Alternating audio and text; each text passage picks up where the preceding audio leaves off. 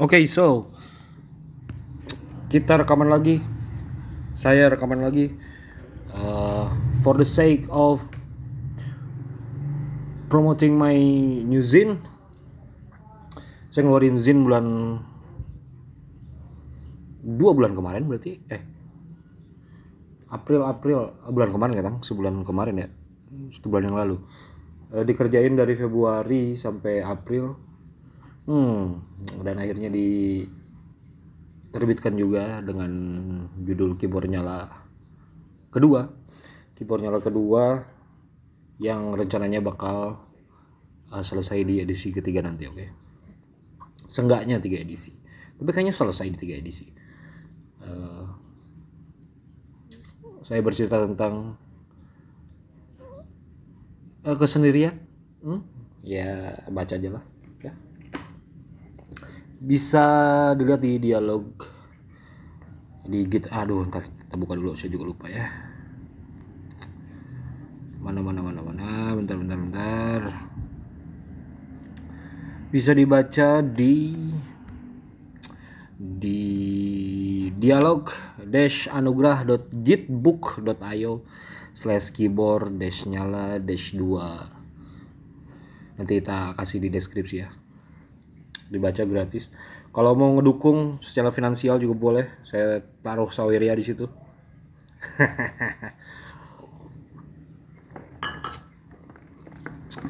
Taruh aja dulu ya kan? Ada satu dua tiga empat. Ada empat bab. Uh, di situ saya nulis macam-macam tentang merayakan sebuah uh, tentang merayakan sebuah atau sesuatu yang harus dirayakan sebelum sesuatu itu meredup saya terinspirasi dari lagunya Senar Togok yang uh, beristirahatlah sebelum keadaan memaksa kalau nggak salah ya judulnya. Itu lagu keren sekali dan saya juga nggak tahu kalian harus dengerinnya di mana gitu ya. Soalnya itu susah. Si Senarto suka ngapus-hapus postingan gitu ya. Lagu-lagunya di internet uh, suka dia upload terus kadang-kadang menghilang gitu saja. Dan alhamdulillahnya itu ada di hard disk saya gitu jadi saya bisa dengerin kapan aja. Terus saya bercerita tentang saya yang ngirim surat ke si Austin Kleon uh, salah satu seniman yang yang mungkin menjadi seseorang yang sangat menginspirasi dalam kehidupan berkesenian saya. Uh, terus ada biasa tentang lagu apa aja yang lagi saya denger gitu. Saya kasih playlist Spotify-nya di sana. Uh, dan yang terakhir racawan saya yang kasih saya yang kasih yang saya kasih judul selamat datang. Udah gitu aja. Saya bikin podcast tehnya episode sekarang teh cuman buat promoin ini doang gitu biasanya kan yang ed, yang edisi pertama saya promoin juga. Uh, yang ini juga tak promoin sini dah.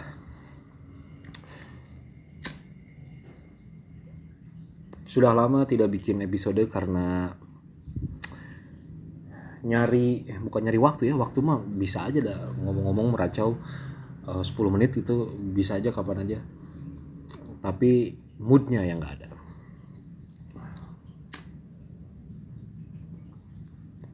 moodnya mungkin telah habis dimakan sama rutinitas kali ya sama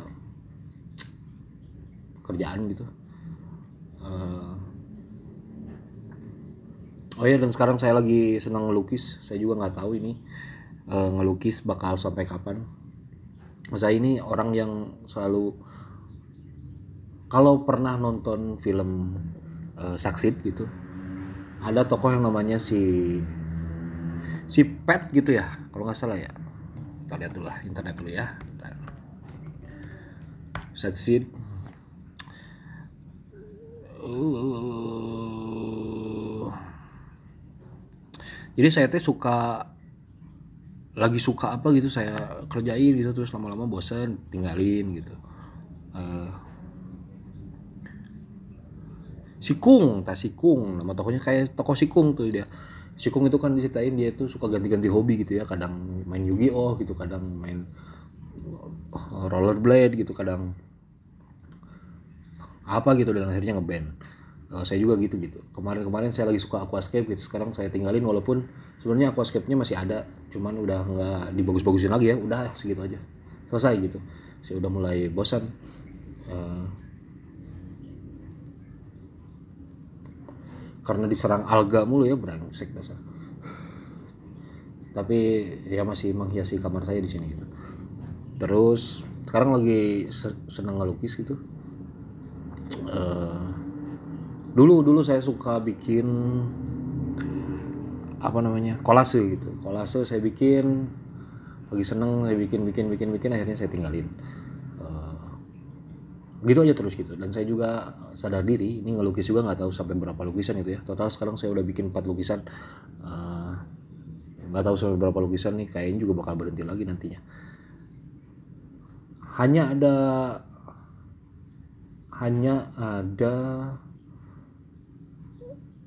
kalau dalam konteks berkarya ya. Cuman ada dua dua jenis karya yang mungkin bisa dibilang masih saya lakuin sampai sekarang gitu. Yang pertama nulis. Nulis udah saya lakuin dari zaman STM zaman STM kelas ya kelas 2 lah. Mulai-mulai nulis di blogspot waktu itu. Terus di Friendster juga sempat nulis blog. Uh,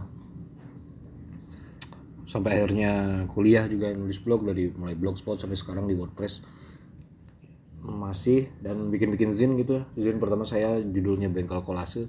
Sampai sekarang terus bengkel kolase selesai hmm, 6 edisi kalau nggak salah ya. 6 edisi selesai terus saya bikin lagi zin dekadensi otak. Itu tiga edisi.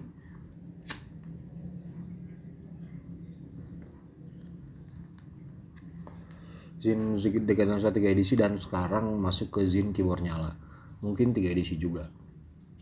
Uh, saya pernah bikin kumpulan puisi yang saya gabung dengan judul Sepah. Ya itu perjalanan nulis saya masih gitunya. Dan sama yang kedua itu ngoding. Ngoding saya mulai aktif lagi itu di tahun 2017 akhir kalau nggak salah ya 2017an saya mulai belajar ngoding serius dan sampai sekarang masih ngoding ngoding uh, hanya cuma dua eta yang masih tetap saya lakuin sampai sekarang tuh ya. Soalnya dua itu teh uh, langsung memberikan langsung memberikan dampak gitu. Memberikan naonnya nya benefit gitunya yang saya rasain gitu nulis teh membeba, membebaskan gitunya kalau saya punya ide apa gitu yang di kepala nggak bisa dikeluarin ke siapa-siapa tulisan jadi uh, jalan keluarnya gitu. Uh, kalau ngoding ngoding mah jelas men ke kerjaan saya ngebantu banget. Saya bikin sistem gudang untuk uh, kantor saya gitu. Terus saya bikin chart hasil produksi sama distribusi air yang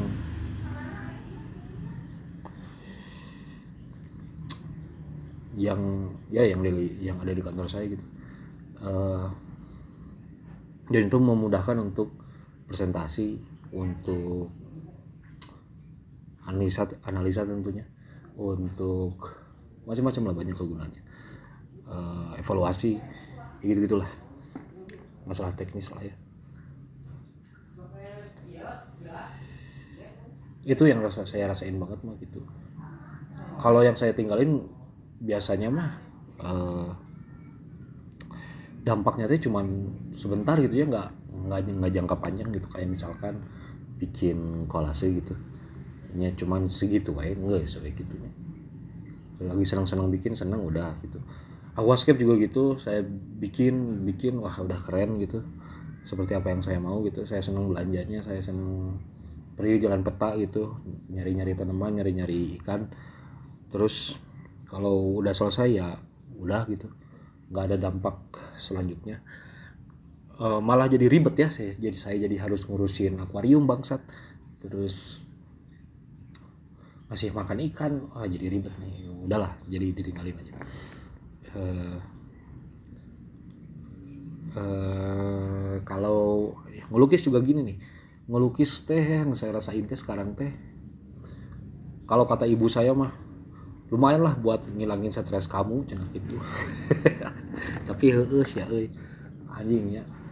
Kalau kata pidi baik mah ya saya ngutip pidi baik nih inspirasi itu hanya untuk amatiran. Gitu. jadi profesional mah intuisi weh cenah painkeun. Ya udahnya saya teh kan oh, mau painter wannabe lah gitu. Jadi apa saya teh sering kali saya teh nggak punya konsep gitu.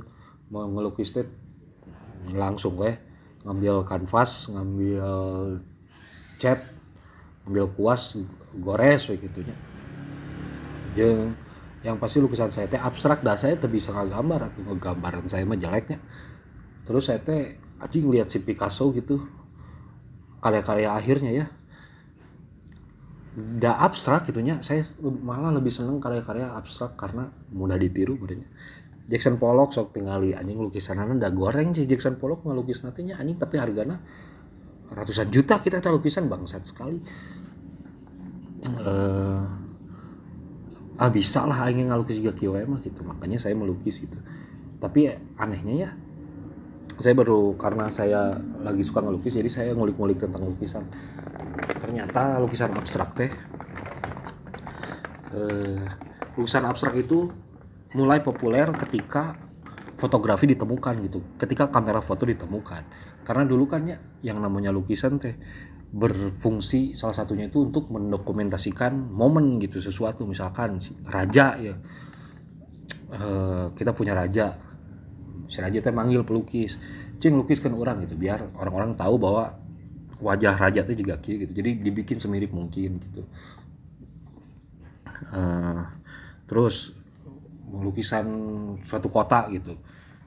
Tah kota itu juga kia ya. Misal kota Roma ya juga kia ya kota Roma teh gitu. Dibikin semirip mungkin uh, seperti pada zamannya.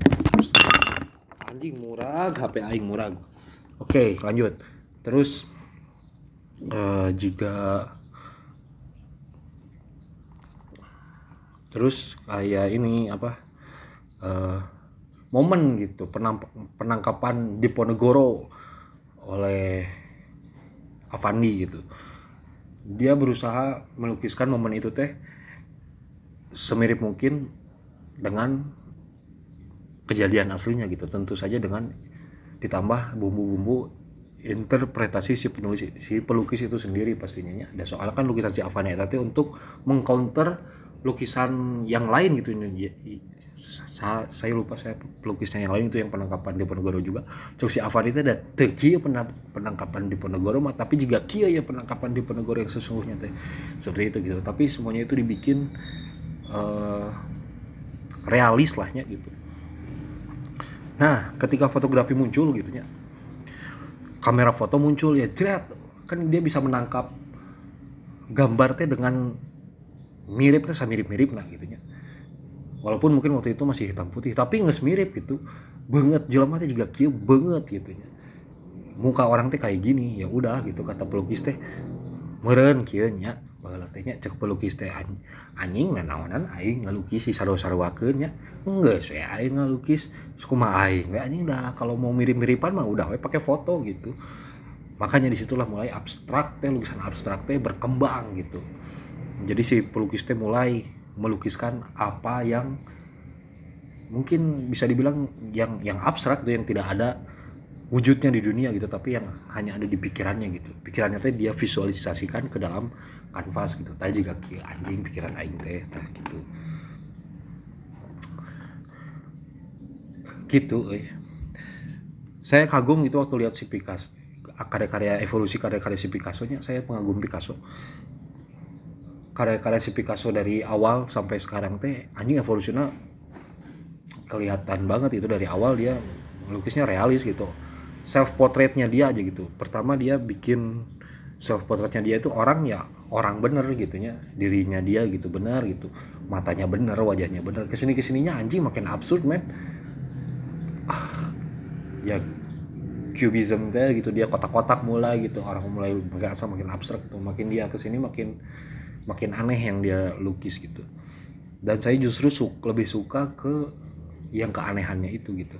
Terus kalau lihat lukisannya si Pidi baik gitunya anjing aneh pisan neta jika lain ngalukis gitu ya tapi jika jika coret-coret budak kayak gitunya. Saya teh dulu teh pernah jadi ingat saya pernah ngobrol sama teman saya Benny gitu dia orang STSI dulu. Seorang seniman itu dia bilang dia suka dadaisme gitu. Dadaisme teh yang ngelukis seperti anak-anak gitu dada kan katanya dada itu uh, onomatopeia dari suara anak kecil gitu dada dada gitu. Jadi dadaisme. Dia suka itu karena anak kecil itu kalau pede nanti luar biasanya mau ngalukis anjing tapi kamu monyong monyong gitu nggak gambar teh anjing. Ternyata sebenarnya uh, semangat itu yang pengen dituangkan gitu. Dan saya lagi lagi ngelukis ini teh saya sosokan berfilosofi soalnya anjing aing ke menuangkan uh, rasa yang ada di diri aing yang tidak bisa direpresentasikan oleh dunia nyata gitu. Nggak ada di dimensi ini tuh cuman ada di dimensi pikiran orang unggul jadi saya tanya ngalukis saya anjing. Lucu nanya orang keren ngalukis gitu. Nya ayah teman orang si Dimas. Anjing nu nggak suka jual di eBay cina uh, anjing. Nah itu kerhere jeung si Dimas teh sekarang teh lagi here sok mas anjing ente marketing lah aing pelukis na cik aing teh dibanderol 5 juta harga lukisan aing. Tah anjing kok aing promosikan di dia? Saya promosikannya yang mau beli lukisan saya nya 5 juta pek anjing serba 5 juta tulisan. Lukisan aing nu mana 5 juta dilepas kok aing. Nothing tulus saya nya. Anjing jadi mas geus nu anjing jual di eBay heuh heuh lah kumaha maneh cek aing teh. Urang mah ngalukis kok masalah uh, difoto sama dia gitu terus like di dijual juga kumaha kumaha si Dimas lah marketing aing tuh si Dimas. Eh uh, nyanggus gitu ya aing anak update ya mungkin. Sudah lama sekali ya tidak rekaman saya teh. Anjing di nulis dulu lapisan men.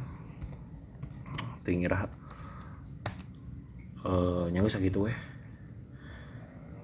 Sampai jumpa di episode selanjutnya men jangan harap bakal konsisten ya. Orang iya nggak podcast ya. Anjing 17 menit tuh. Aing ngebaca 17 menit sekarang 18 menit. Makasih yang udah dengerin uh, sampai jumpa di episode selanjutnya. Ciao